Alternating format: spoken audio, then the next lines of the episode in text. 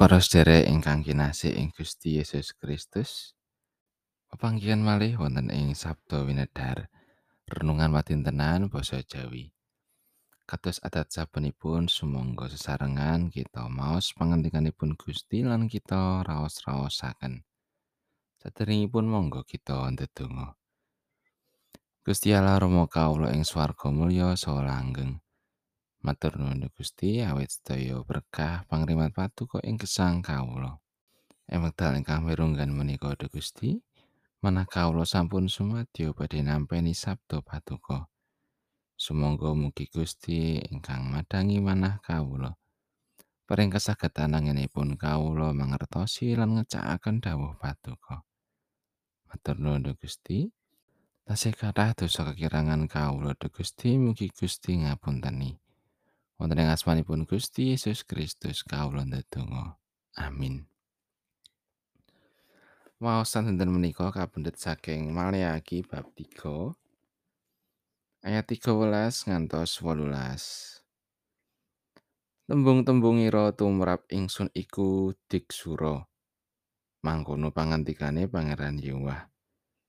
Nanging unjuk ira, kawula sami ngraosi paduka kados pundi?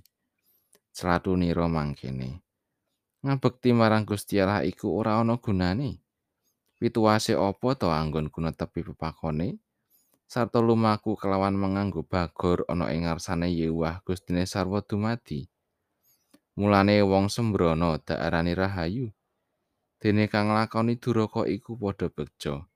Sanadyan nyoba marang Gusti Allah, iya padha bisa oncat. Para wong kang ngabekti marang Sang Yewah padha rasanan mangkene. Pangeran Yewah ngudaneni lan miyarsakake. Apa dene kitab pengetan katulis ana ing ngarsane kanggo wong kang padha ngabekti marang Sang Yewah lan kang ngajeni asmane. Pangandikane Pangeran Yewah Gustine sarwa dumadi.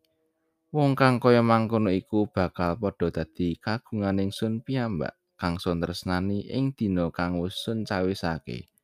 Sarta bakal padha sun eman kaya wong kang eman marang anake kang bangun miturut.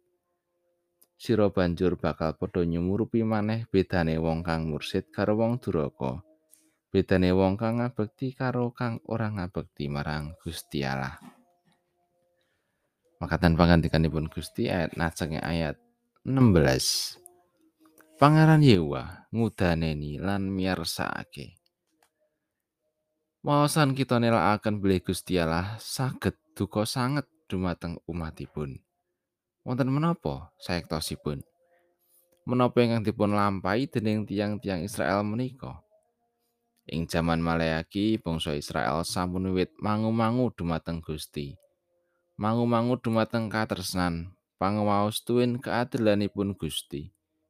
Bangsa Israel nandang kaprihatosan lan kasangsaran. Ananging kados-kados Gusti Allah namung mendel kemawon. Bangsa Israel nindakaken pangibadah-pangibadah kanthi setya. Ananging raos-raosipun boten wonten berkahipun Gusti ingkang tedhak saking swarga. Nasib bangsa Israel sami kalian tiang-tiang duraka ingkang boten tepang Gusti. Kepara miturut pemanggihipun, tiang duraka asring langkung bejo katimbang bangsa Israel. Gusti boten adil. Gusti mboten nggatosaken swantenipun. Celakanipun malih rikala bangsa Israel kepanggih lepat lajeng dipun emutaken dening Gusti nanging katampi. Ingkang nang semaken inggih menika bilih Gusti anggenipun duka mboten dangu lan mboten ing salami laminipun. Ing sakwingkinging dedukani saestunipun Gusti Allah nyawisaken sih rahmat ingkang katujuaken dumateng umat. Lumantar nabi melayaki, Gusti Allah ngemutaken tiang-tiang. Bilih panjenenganipun boten badhe pisan-pisan batalaken sehipun dumateng umatipun. Ingkang dipun kersakaken dening Gusti Allah inggih menika manut miturut lan gadhahi raos urmat dumateng Gusti. Gusti Allah nyawisaken berkah lan dados pengayoman tumrap ing tiang ingkang ngabekti dumateng panjenenganipun. Kawontenan gesang ingkang rekaos saged ndadosaken kita mangu-mangu tumrap pangawaos lan sehipun Gusti Allah. Ananging dinten menika kita dipun atak dening malaike. Menapa kita saged tansah tuhu setya dumateng Gusti sanadyan nandhang karupekan? Amargi ing sakwingkinging karupekan wonten kamirahanipun Gusti ingkang kacawisaken. Amin. Puji